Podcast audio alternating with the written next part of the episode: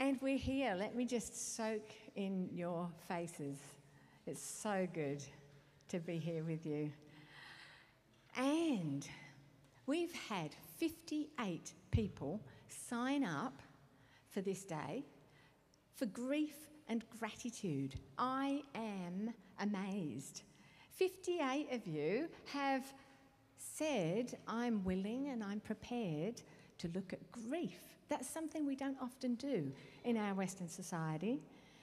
And we've already got a problem because this is not working properly. Um, so, thank you, thank you. I'm so excited to be here. We have a big day, uh, and there are so many wonderful activities. Uh, I'll just give a brief rundown. We're going to have this uh, service here. Where this thing in the middle, we're actually going to use the rocks on your chairs to build something in the middle here. We're going to have lunch together, and then we're going to have six different groups, which I'm sure you're all excited about. So, outside, we're going to have um, wooden planter box building. Up here, we've got the rock wall climbing. A table over the back, we've got repurposing card and paper. Over here, we've got keto bread making. making. Out of the door, uh, could I have my water, please? Out of the door, we've got succulent propagating. And down here, where we normally have the kids' room, we've got some spiritual practices happening. So that's the outline of the day. We get to eat together, we get to do some fun things together. So let's look at grief. It's a big topic. And Henry Nouwen says the degree to which we grieve our losses is the degree to which we are compassionate people. Now, I want to be a compassionate person, so that means that I need to grieve my losses. And we've got a biblical precedent because Jonathan, when he was killed in battle, David commanded his troops to lament. Lament. That's a word we don't often hear nowadays either. And it, we have been through a global season, the whole world. We've lost a whole bunch of stuff. So we need to grieve our losses. And different cultures, I'm very aware, process grief differently. Um, sometimes we do it this way in how we're dressed. Uh, in our Western society, other cultures, black is not that colour. It should be white that you wear for that colour to um, demonstrate that you're grieving.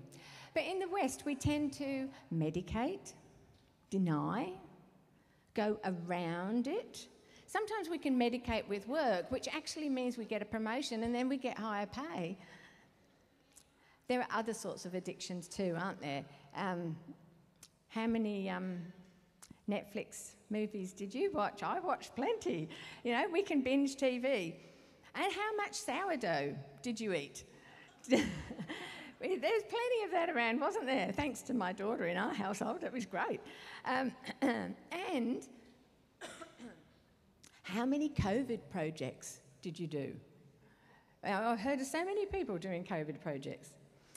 We were forced into isolation, but sometimes we choose to isolate ourselves, we choose to withdraw.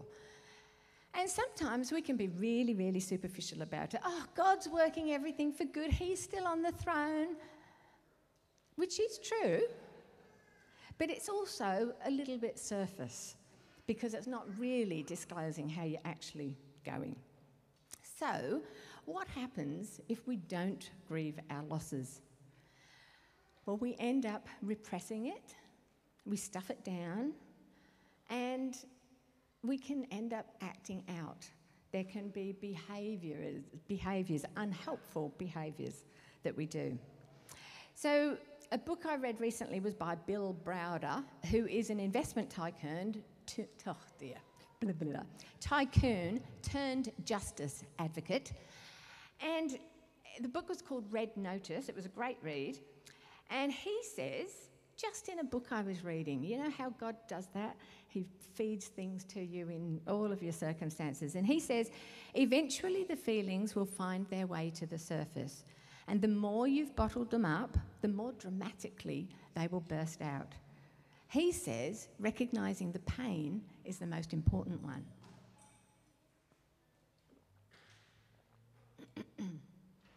so, grief. Definition deep mental anguish as that arriving from bereavement. Deep, poignant distress caused as if by bereavement.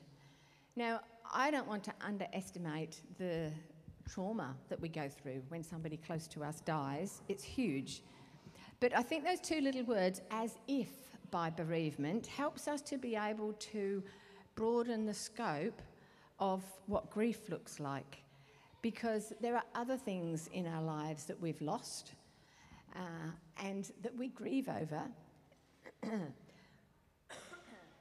My throat's not doing so well, is it?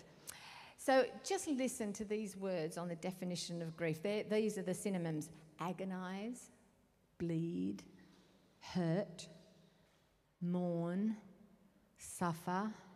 I'll say them quickly sorrow, anguish, woe, regret. They're awful words, aren't they? They're heavy. Yet that's what we're talking about here today.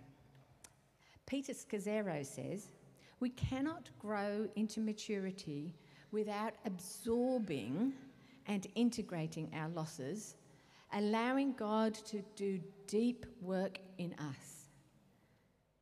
Remember, Jesus was called the man of sorrows. So, again, we have a biblical precedent, don't we? This next slide uh, I found really, really helpful. Oh, it's quite small. I'll read it out to you. The top one, it says people tend to believe that grief shrinks over time, that it gets smaller. But what actually happens is that we grow around our grief, as in the bottom picture. Now, I found that a really, really helpful visual uh, because we can grow around our grief. We have a book in the Bible called Lamentations, a whole book of lament. But they received a revelation of God through their loss, and they declared, The steadfast love of the Lord never ceases, His mercies never come to an end. Great is your faithfulness. So that's a symbolism of them growing around their grief. And two thirds of the Psalms are laments before the Lord. So, first of all, how do we grieve? Well, psychiatrist Elisabeth Kubler Ross says there are five distinct stages of grief. Other experts talk about 12 different stages. So there's denial, anger, bargaining, depression, and acceptance. But it seems from my research that m- most experts in the field say the first step is to pay attention to your feelings, to actually feel your feelings the pain, the anger, the crying. Remember, Ezekiel lamented, Daniel grieved, and Jesus wept. Sometimes they describe grief as an iceberg. You know, the iceberg that you can see this much of it above, but there's all this much bigger down below. And we need to ask those questions about what's underneath the surface. What am I mad about? What am I sad about? Because so many things are hidden to us.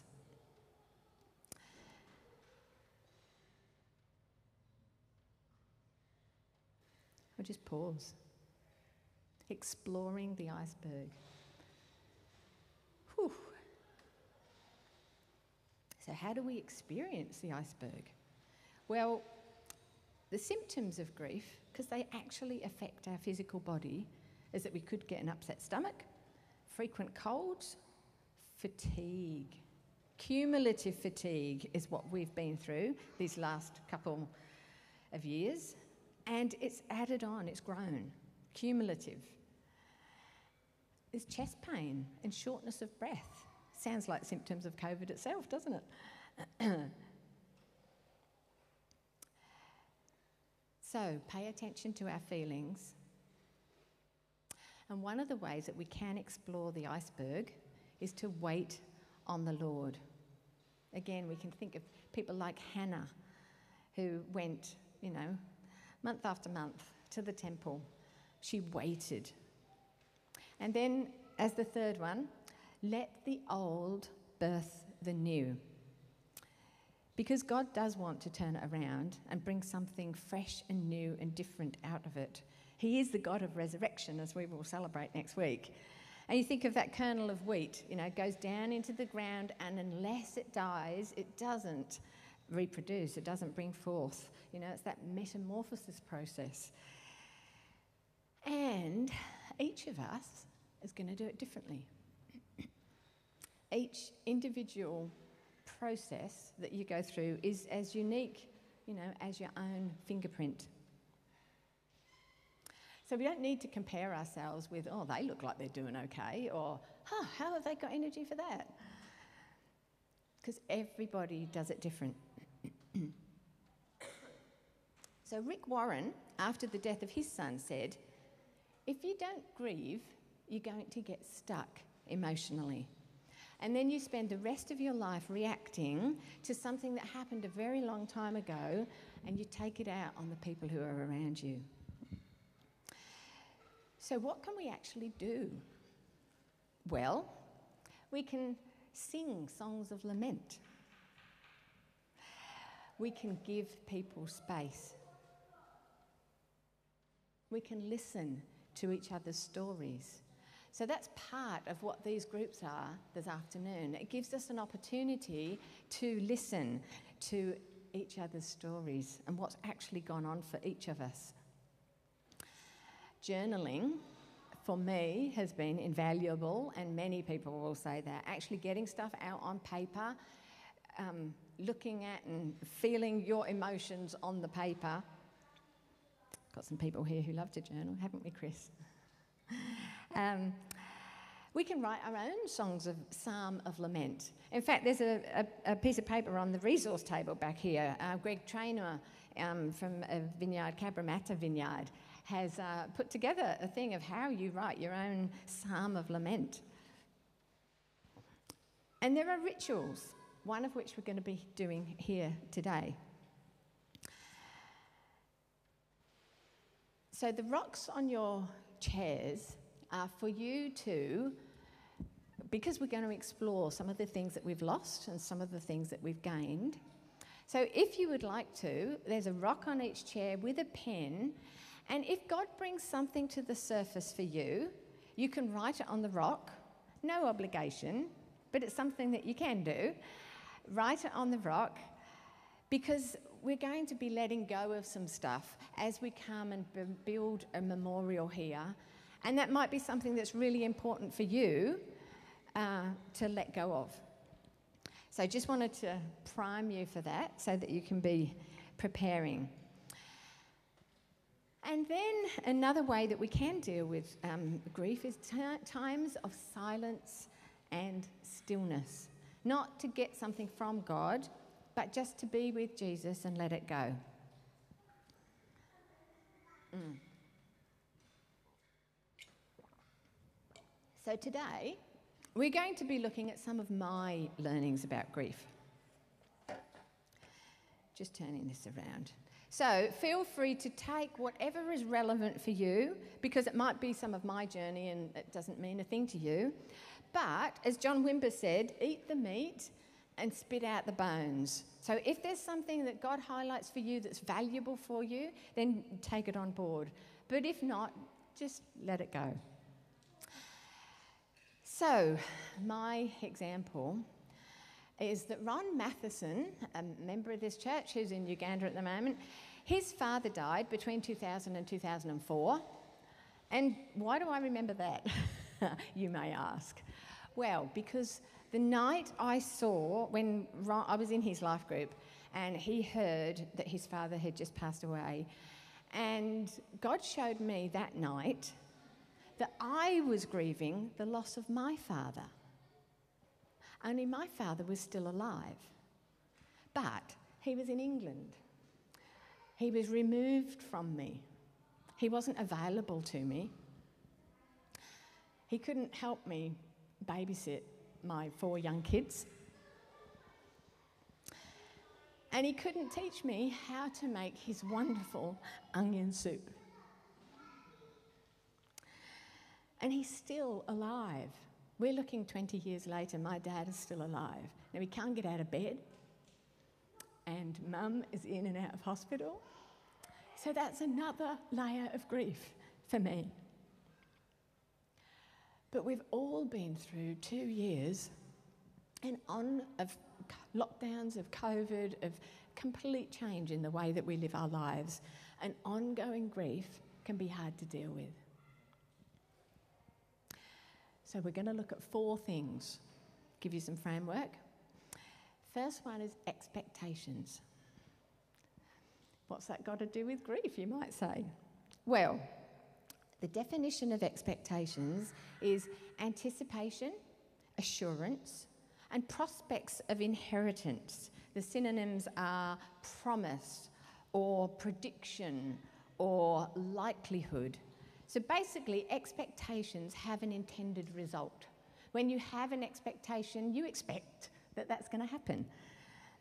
So for me, I could have had an expectation that my father or my parents would be around to fulfill their grandparenting duties. Isn't that a reasonable expectation?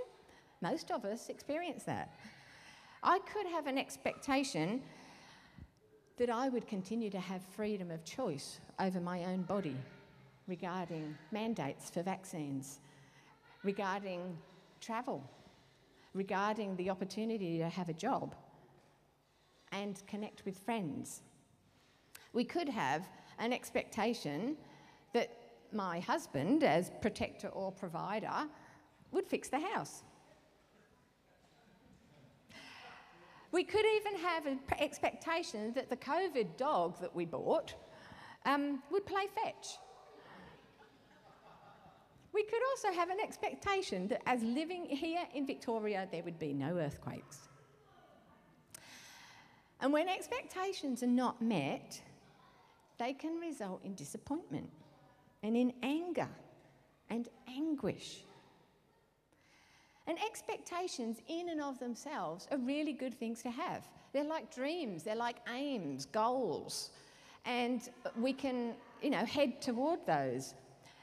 But sometimes we can inadvertently associate judgments with those expectations when they're not met. So, expectations was the first one, judgments. Hmm, what's a judgment? Well, the dictionary says it's the process of forming an opinion by discerning and comparing. Synonyms are common sense, understanding, wisdom. They sound good, don't they? There's also a legal definition of a judgment, as Vera would know. Uh, a formal decision or a determination by a court, a, uh, a ruling or a verdict. So, in my case, an example, and remember, sometimes our judgments bear little relation to the truth of the matter but rather my perception, my understanding of the truth. So I could have made a judgment over my parents that because they, that they should have moved here to Australia to be with me, even though it was my choice, well, probably his as well, to come and live in Australia. But I could have made a judgment over my parents over that. I could have made a judgment over myself that I was selfish to move here. Hmm. I could have made a judgment that mandates are wrong for not allowing me choice. Mm. I could have made the opposite judgment that people were wrong in arcing up about mandates because they're there to protect us. Can you see? It depends on your perception, doesn't it? We could say, yes, this was right, or no, this was right. It's how we perceive it. Could have made a judgment that a husband that doesn't fix the house doesn't care. Could have made a judgment that that COVID dog that I bought that doesn't play fetch is a stupid dog. or that Australia is an awful place to live in, in a place of fires and flooding rains and now earthquakes. So when judgments are made, they also result in changed perceptions because when you put yourself in a position of a judge, it tends to be that the people or the situation or the circumstance aren't measuring up. It tends to put you higher and them lower in your perception. And it is a legal language. So, judgments that we make are legally binding statements. Ooh. It also has actions in our behaviours because we tend to think of, oh, you know, stupid dog. And can result in resentment. But it also leaves us bound to that situation. So, we need to release our expectations to God and break off any inappropriate judgments that we have made so that we can be free to forgive. Forgiveness, don't we love that word? Definition of forgive to offer pardon. So, is it a let off for those who've done wrong? No, it's not. Does it mean that we condone their actions? No. Does it mean we have to trust them again? Absolutely not. Trust has to be earned. So, is forgiveness a get out of jail free card, like in the Monopoly game? Yes, it is. But for me, not for the person, not for the person who I'm offended at or who I need to forgive, because it doesn't touch them. I'm the one that suffers. So it's a gift. Forgiveness is a gift that God gives his children. In Matthew 6, it says, Forgive us our sins as we forgive those who sin against us. Goes on to say, For if you forgive men your, their trespasses, your heavenly Father will also forgive you. But if you do not forgive men their trespasses, neither Will your Father forgive your trespasses? Ooh. That's big, isn't it? So, if I want to be a compassionate person, I have to deal with grief and I need to forgive people. So, forgiveness is a choice, it's also a commandment. He just said it right there. So, Walter Mikac, whose wife and two children were massacred in Hobart, said, Listen to this. I don't need to be angry. I can miss them, his family, and feel emotions, but not hang on to this ball and chain. And that's what unforgiveness is, isn't it? It's uh, like a ball and chain because it does weigh us down, it does have effects. So we need to be specific about who we are forgiving and what we are forgiving them for. So I can forgive my parents for living in another country. I can forgive myself for any selfishness that there might have come, you know, been in me because I wanted to come to Australia for what we deem to be a better lifestyle. We can also choose to forgive the politicians for the mandates or the people for their responses to the mandates. We can forgive them that perhaps actions meant, perhaps in good faith, have resulted in damaged relationships and in financial and mental ill health, for some way of saying it. We can forgive the dog that doesn't play fetch, or Australia for its climate. So, when forgiveness is made, it results in changed perceptions. Did you hear that? That was the same thing as judgments, wasn't it? Judgments result in changed perceptions, but sometimes for the worse. Forgiveness also results in changed perceptions. It gives us freedom and improved attitudes. So, David, would you mind helping me get these whiteboards up, please? Now, we're going to look, I want your input, please, for what are the things that we are grieving over? What are some of the things that we have lost during this COVID time? Now, oh, you've got the pens, beautiful. Lovely.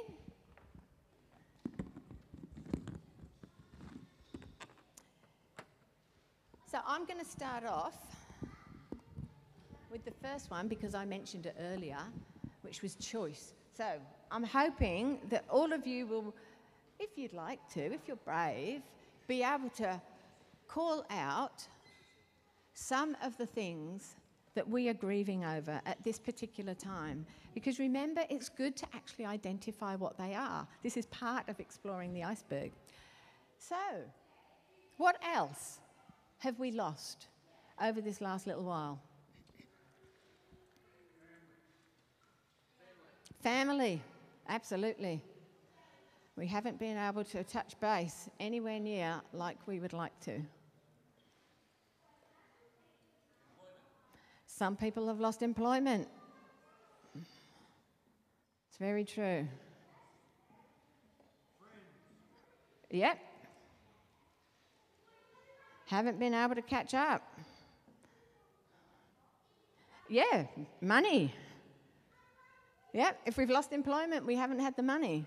Mm. Pardon? Yep, which is choice, yep. Ooh.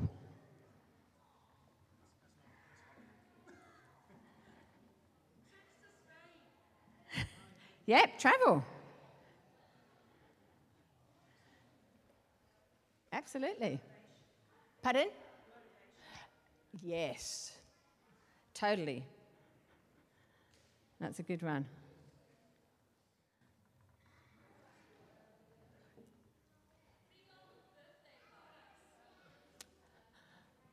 So, social gatherings. Oh, so I'm just going to put gatherings. Can I do that? Oh, nice little mess here.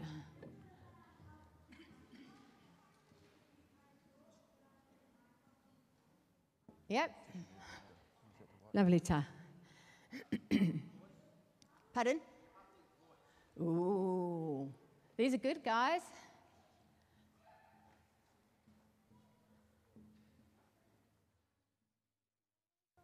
Oh, lovely, thanks. Oh, yes, yes. I went to the shops just yesterday and there was so much blank spaces. Products. Yep, freedom. Yeah, tell me more about that one. Oh, yes, yes. Yeah, which could come under gatherings, but yes. Fun. What was that other one? Community, yeah, gathering together for worship. Yes. Healthcare. Yes.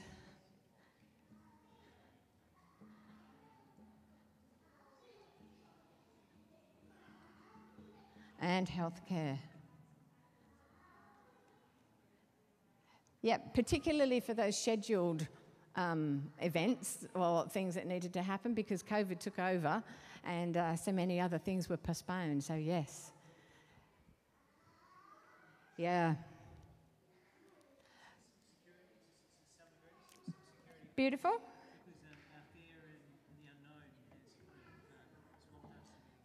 Yes.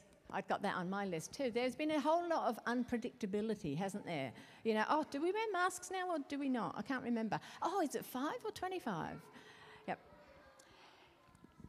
Remember, grieving is the healing feeling. Did you hear that? Grieving is the healing feeling. So, the reason that we need to forgive is so that we don't get caught in bitterness. So, Hebrews 12 14 to 15 says, Work at living in peace with everyone. Work at living a holy life, for those who are holy will not see the Lord. Look after each other so that none of you fails to receive the grace of God. Watch out that no poisonous root of bitterness grows up to trouble you, corrupting many. So, what is bitter? Well, it's a taste sensation, but it defiles me it defiles everyone under my influence and does nothing to the person I'm bitter at. Um, Bill Johnson says bitterness is the spirit of murder in diapers. So, in seed form. Because it's undeveloped murder in the heart. Whoa. Bitterness is the spirit of murder in diapers, in nappies. It's drinking poison, hoping that somebody else will die, and it destroys the vessel that it's in. So, forgiveness, simply agreeing that forgiveness is the right thing to do, doesn't actually make it happen. Sometimes there's actions in, involved. You might need to make a phone call, might be a behavioural change, uh, it might be praying for people who've died, it might be praying for their descendants. Communion is a really good way of realizing my undeserved um, forgiveness that God has granted to me and how much more I need to give that to other people. So, Martin Luther King Jr. says, Forgiveness is not an occasional act, it's a constant attitude. So, in summary, David, would you mind coming up here, please? Oh, I need the scissors in the back. I'm hoping. Yep. Mm. Can you hold the mic for me, please? So, in summary, oh, here's my rock. Oh, yes. It's got all these things that is hanging on to me while it's in my pocket. And so I need to release, if I can do it, release my expectations, break off my judgments, so that I'm free to forgive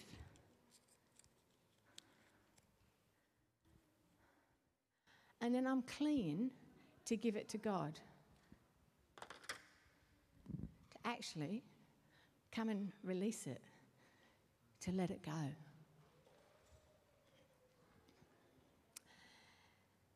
So, other thing, sorry about this, running back and forward. Just wanted to put this on because the antidote to bitterness is thankfulness is gratitude. Remember the whole day is grief and gratitude? And look how putting on something else transforms you. It's amazing. So, yeah, but I look different, don't I? so, gratitude. We know what gratitude is. It's pleasing. It's also in the Bible. It says, always be thankful in Colossians. And in Thessalonians, it says, be thankful in all, in all circumstances, not for all circumstances. Be thankful in. For this is God's will for you who belong to Christ Jesus. So thankfulness is healthy. It's better than a multivitamin. It actually has a beneficial impact on almost every major organ in your body. Thankful people live healthier lives. Please don't hear I did not say that if you've got a health issue that you're not thankful. That is not what I said. I said thankful people live healthier, lead health, healthier lives, and it is God's will. There are so many benefits, but I think I'm running out of time. So I'm going to skip over all the benefits, and you can do your own research.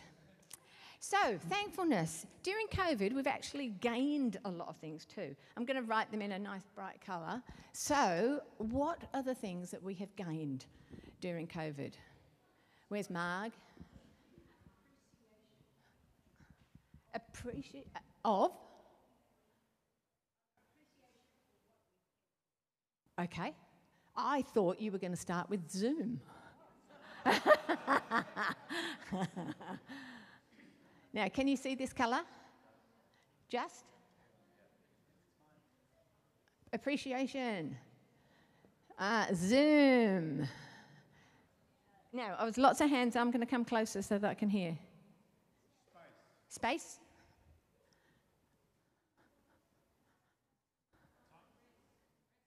Yes, we've definitely gained some rest time. Yes. So, um, family with.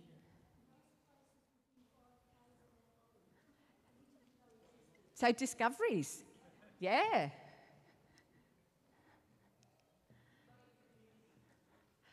Yes. Absolutely in the community. So they both go together, don't they? Local community and kids playing. Who's got to know their neighbours better? Yeah, absolutely.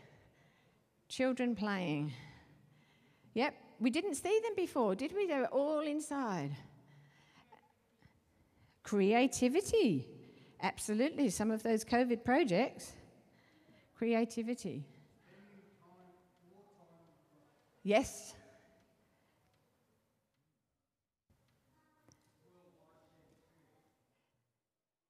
Yes. So there's a commonality. Yeah. And, uh, yeah. Commonality. Ah, JobKeeper. Isn't that funny? Here we are. That was some of the things that we lost, and yet.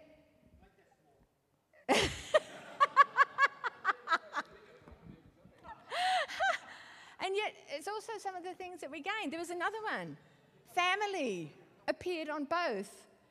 So, see how it depends on our perception because we've lost relationships with our wider family, and yet we got more time with our close family. So, it's all about our perception. Yes, any more that you want to go through?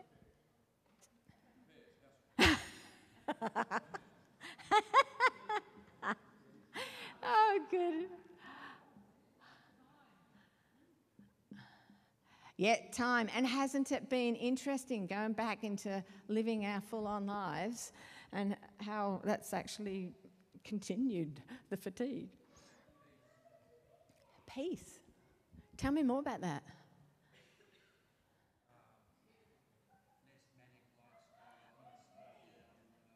Yep. Beautiful. So there are benefits of slowing down. Yeah.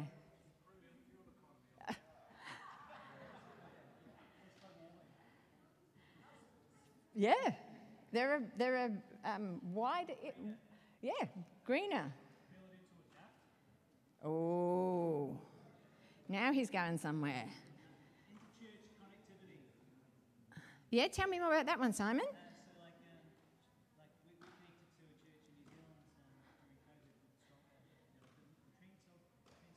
Yep.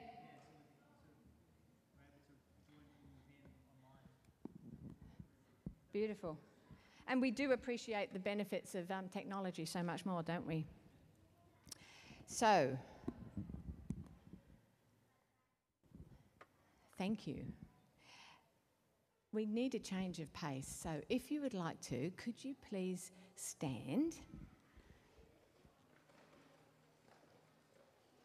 Because thankfulness takes the attention off of ourselves and it's an antidote to bitterness and resentfulness. And thankfulness also shows that contentment and peace come from not what we have, but who we know. So we've looked at expectations, judgments, forgiveness, and bitterness.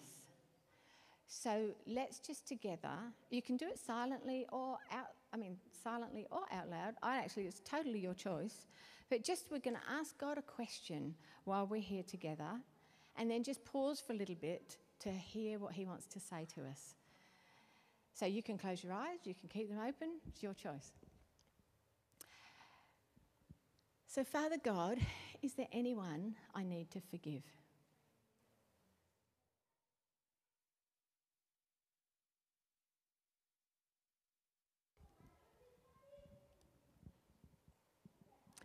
Now, for some of you, there will have been faces that come across your mind's eye, there would have been names. And you can choose here and now to forgive. We can say, oh, sorry. I said sorry to the stand.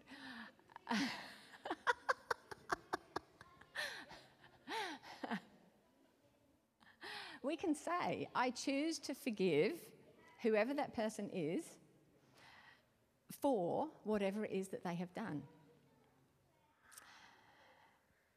And I release them and I bless them. But we might need to look at those expectations and those judgments. We might need to do some further work on that.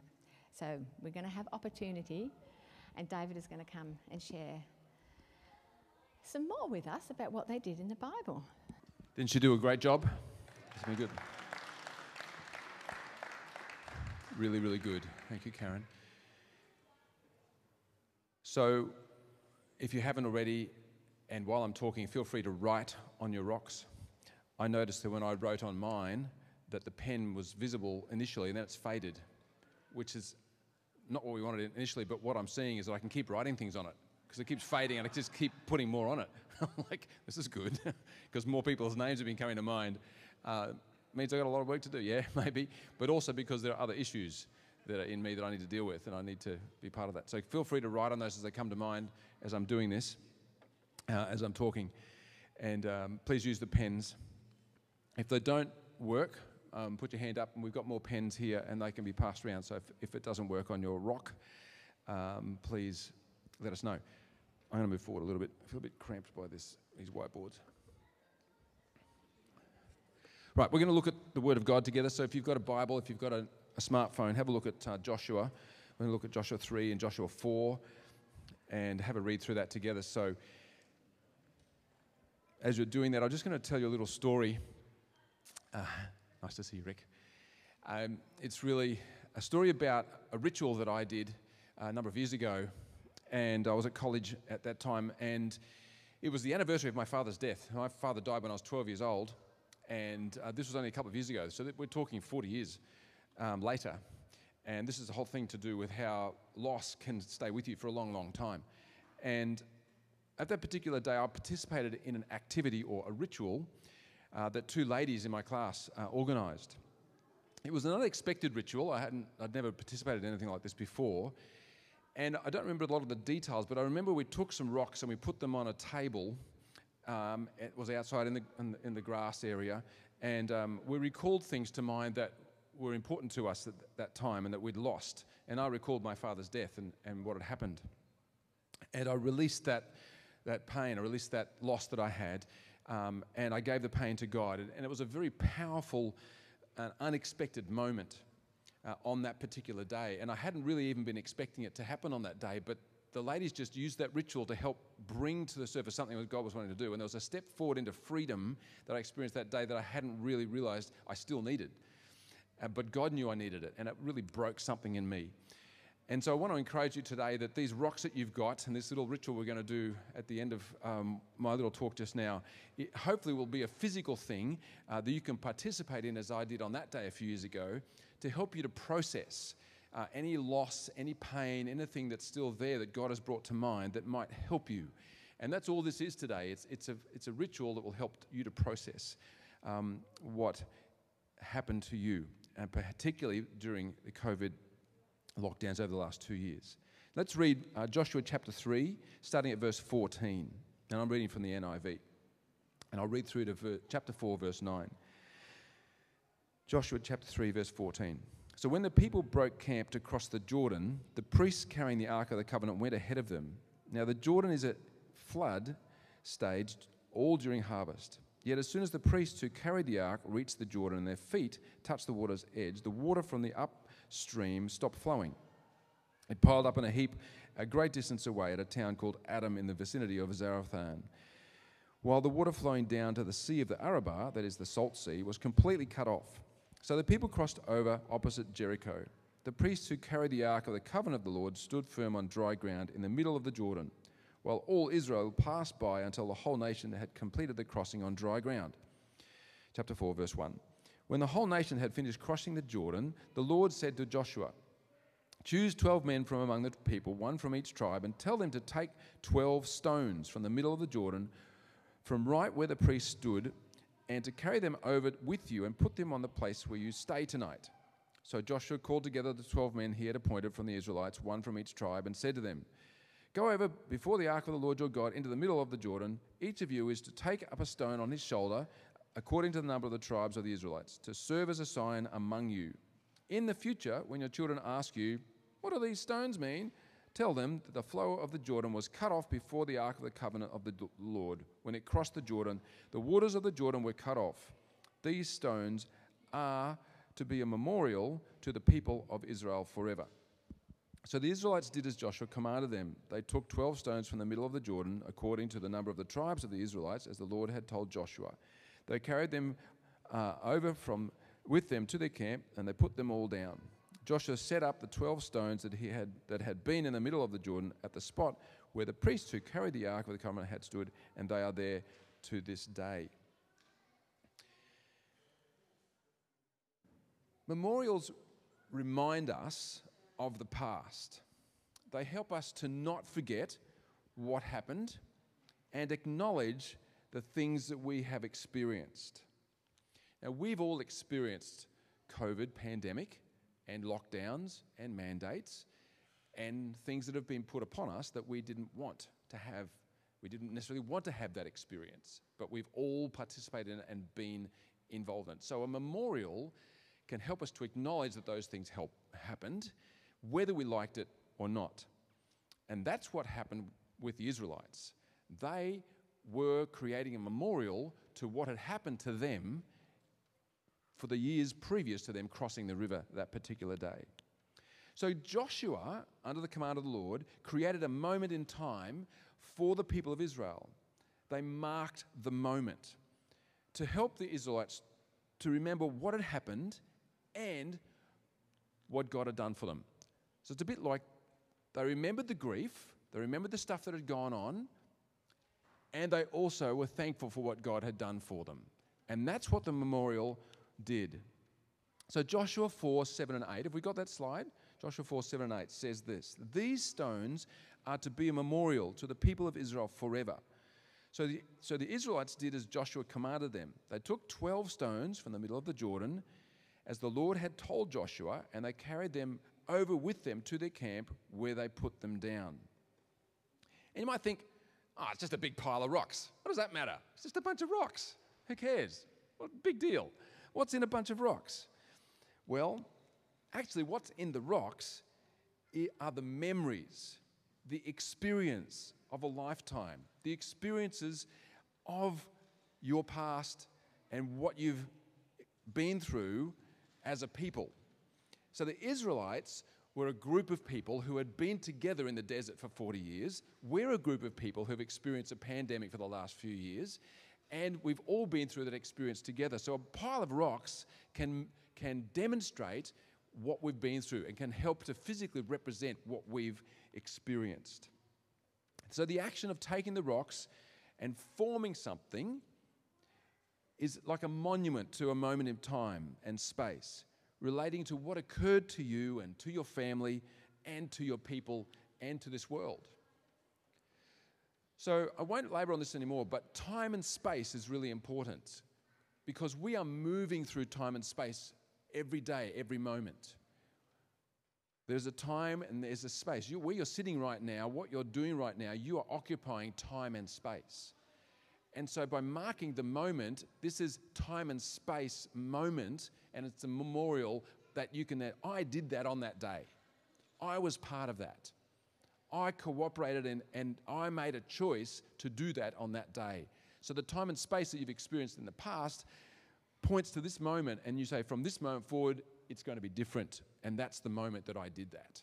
That's why it's important. And that's why God was pointing to Joshua to say, get your people to do it. Grab those rocks. Make this a moment that you can point back to and even tell your children about. I was there and I did that. We crossed through the water and we left the desert behind. So let's give you a bit of context about this. The stories of Israel and it led up to this particular day was really important. So Moses is dead. So, right, he's been leading them for years and years, but he's now dead. Josh is the new leader. And they've had 40 years of wandering around in the wilderness like a bunch of nomads with their sheep, wandering around.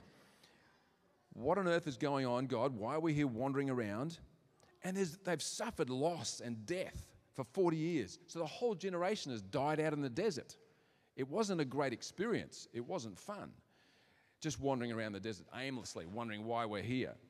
It was a painful time and they'd lost friends, they'd lost family, they'd lost loved ones, they'd lost their sense of direction and purpose. They didn't know what was going on. They were hoping they'd get across the river one day, to this new promised land of Canaan, but it still hadn't come yet. So there were all of these losses, all of these things they were grieving that hadn't yet occurred.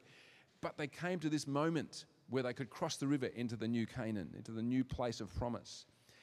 And Joshua said, Now's the time. God said, Now's the time. You're going to cross the river. You're going to leave all of that pain behind. You're going to leave that loss behind. You're going to leave that wandering around in the desert. You're going to leave all of those things that were really weighing you down. And this is a time to remember. And you're going to mark it.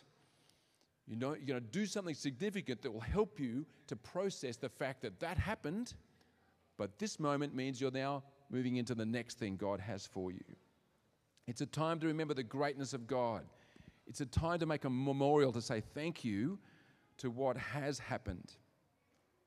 So Israel is told by God through Joshua to follow him through the water, to take up some rocks, and then to move and to obey and to do it in faith and to create, a memorial to what God has done.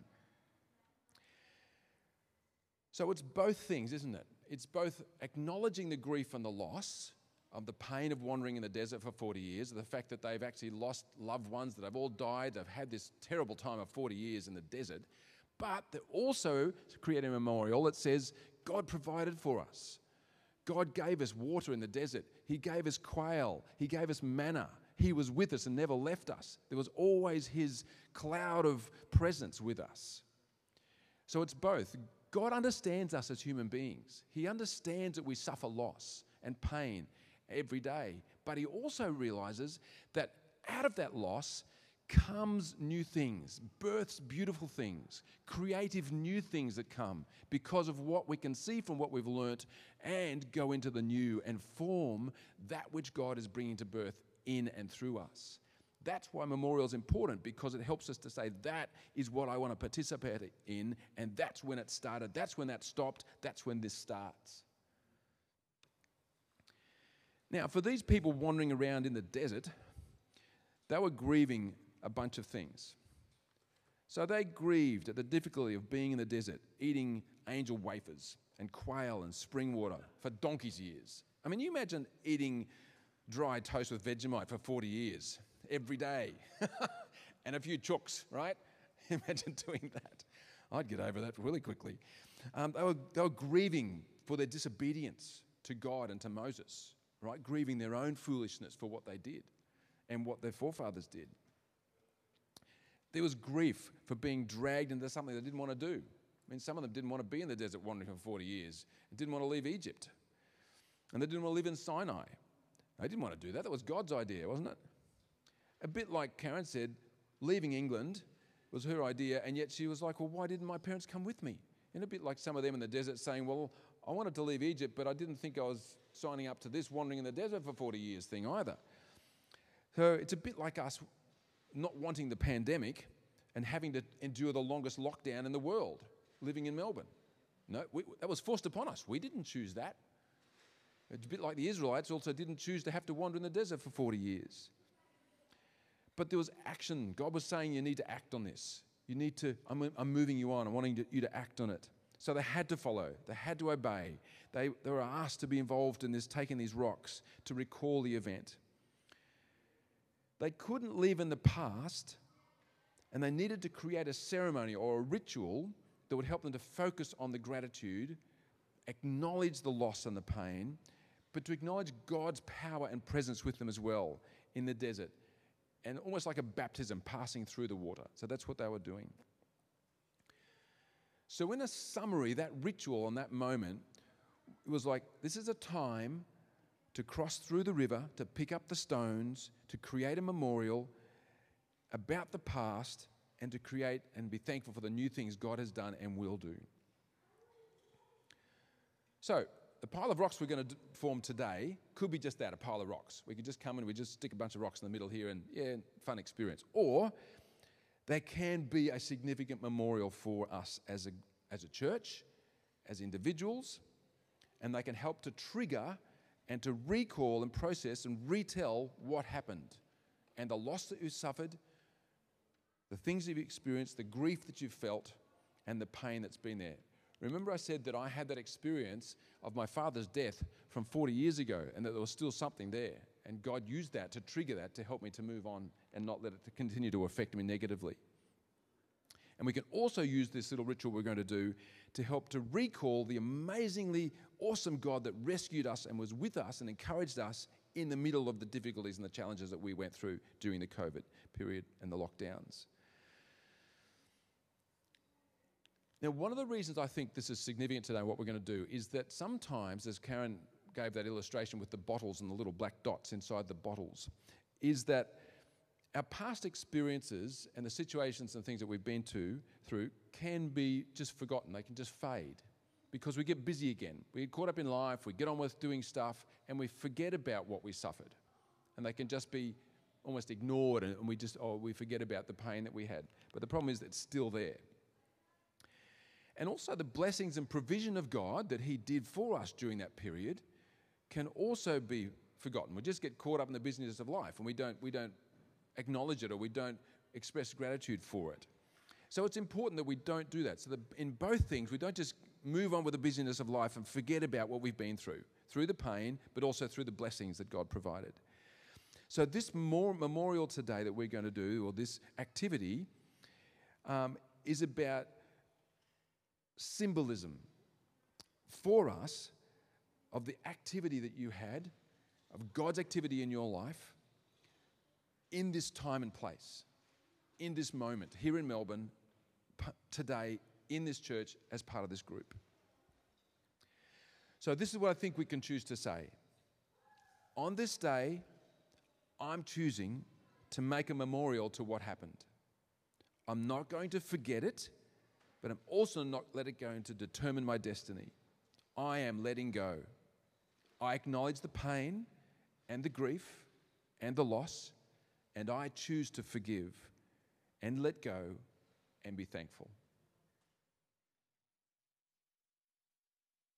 You just absorb that for a moment, and then I'll read it again. On this day, I am choosing to make a memorial to what happened. I'm not going to forget it, but I'm also not going to let it determine my destiny. I am letting go. I acknowledge the pain, the grief, and loss. And I choose to forgive and let go and be thankful.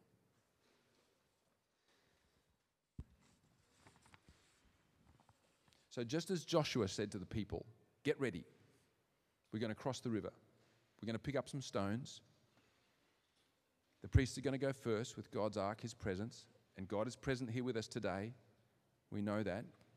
God has said, wherever two or three gather, I'm there with you. So God is here with us.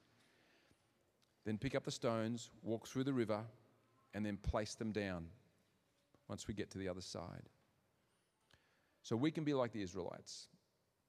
We can pick up our stones, we can put this into practice, we can place them down together and create a moment, a memorial to the loss and the grief and to the thankfulness we have for His goodness to us during the pandemic while we were lost in the desert, in that sense. So I want to paint a picture of some of the similarities from what I've read of Joshua and Israelites and us. We were forced into a pandemic and lockdowns that we did not want to have. We experienced a loss of freedom and movement, having to do what we did not like. We suffered a loss of health or well being. Perhaps we lost loved ones or a normal life we once knew. Perhaps anger, pain, sorrow, poor health due to a grievous situation. Alternatively, perhaps we need to acknowledge the love and provision and peace and rest and space that we had during that time. And that He was with us and comforted us.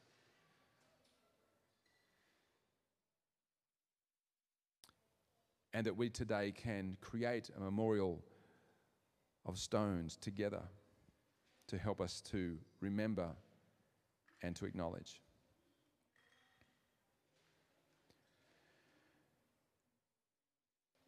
As a way of personal illustration, I want to just tell you a little bit about my own journey. At the end of 2019, my mother passed away, 95 years of age. And then the bushfires happened, and we had to run away from East Gippsland because we were out near the bushfires. Then we came back here to Melbourne, and when we had to move house, and then COVID hit.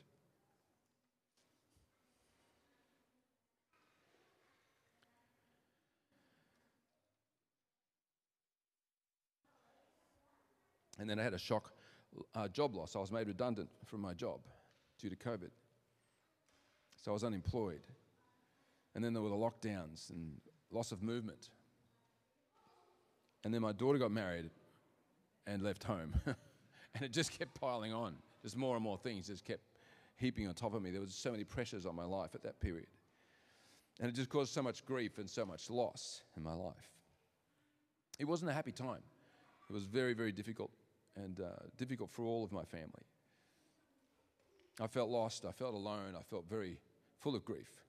A bit like being in the desert, really. It wasn't fun. And I came to a point one day where I chose to forgive. I went for a walk, and I remember saying, Okay, I am choosing to not hold on to this. I'm choosing to let it go. It is not going to determine my life. I am choosing to let it go and not let it be the thing that makes me who I am. Even though it's been terrible and I've hated all these things, I'm choosing today to say no and to forgive and to let it go. Did it all get better in one day?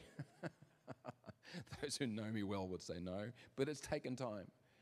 As I've slowly processed those things and acknowledged those things and worked through those things, worked through with my loved ones and realized that some of the stuff that was there was God renewing me and changing me and identifying things in me that needed to change. And that's what God does. He brings us through these things because He knows the stuff that we've been stuck in that needs to change to become the more of the godly person that He wants us to be. So life is improving, definitely. I have a new job and I have a, um, blessings from God that's just amazing. And the grief is less painful, and I've moved on and, and I'm moving into what God has next for me, and I'm so grateful for that. You know, and it's really exciting to see that. But marking the moment is part of that process. And if you don't want those things in the past to continue to determine who you are and to hold you captive, then you have to make that choice to say, I today am not going to let that hold on to me anymore. I am choosing to let it go. And you alone can do that just like I had to do that. I had to make that choice. And that's what God's given us. When He says, if you don't forgive, I won't forgive you. That's because it's about the fact that you, as a spiritual being, have the freedom to choose. And if you don't, then you stay bound by that choice. It's not like He's holding out on you.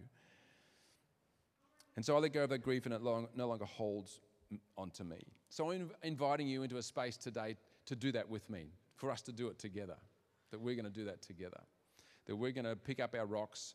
If you've already written on it, then great. If you haven't, then write some more things on it. And we're going to bring them together and put them down on this piece of green fabric. And we're going to process this stuff together. And we're not going to rush. We're not going to make this hasty. We're going to take it our time. And if you need to just sit and wait for a few minutes and write some more, pray some more, if you need to get on your knees, if you need whatever, then take that time. This is not a rush. We're not rushing into this. If you just want to sit there for a while, that's fine. If you're ready to go, I'm done with this, God, I want to get this dealt with, then come straight out the front and, put the rocks in the middle there. And uh, we'll share that together. I'm going to place this down on the ground. We're not going to play any music. We're just going to do it in silence. We're not going to talk. It's just a ritual to mark the day. And we're going to process to walk this through the pathways. You can see I put on the floor some arrows.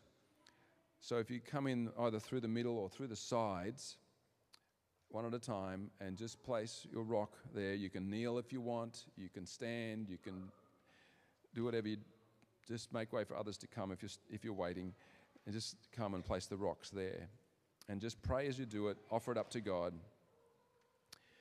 So, in silence, you can write, you can wait, you can pray, you can write, you can come, you can kneel, you can pray, you can leave, you can do whatever you like to do.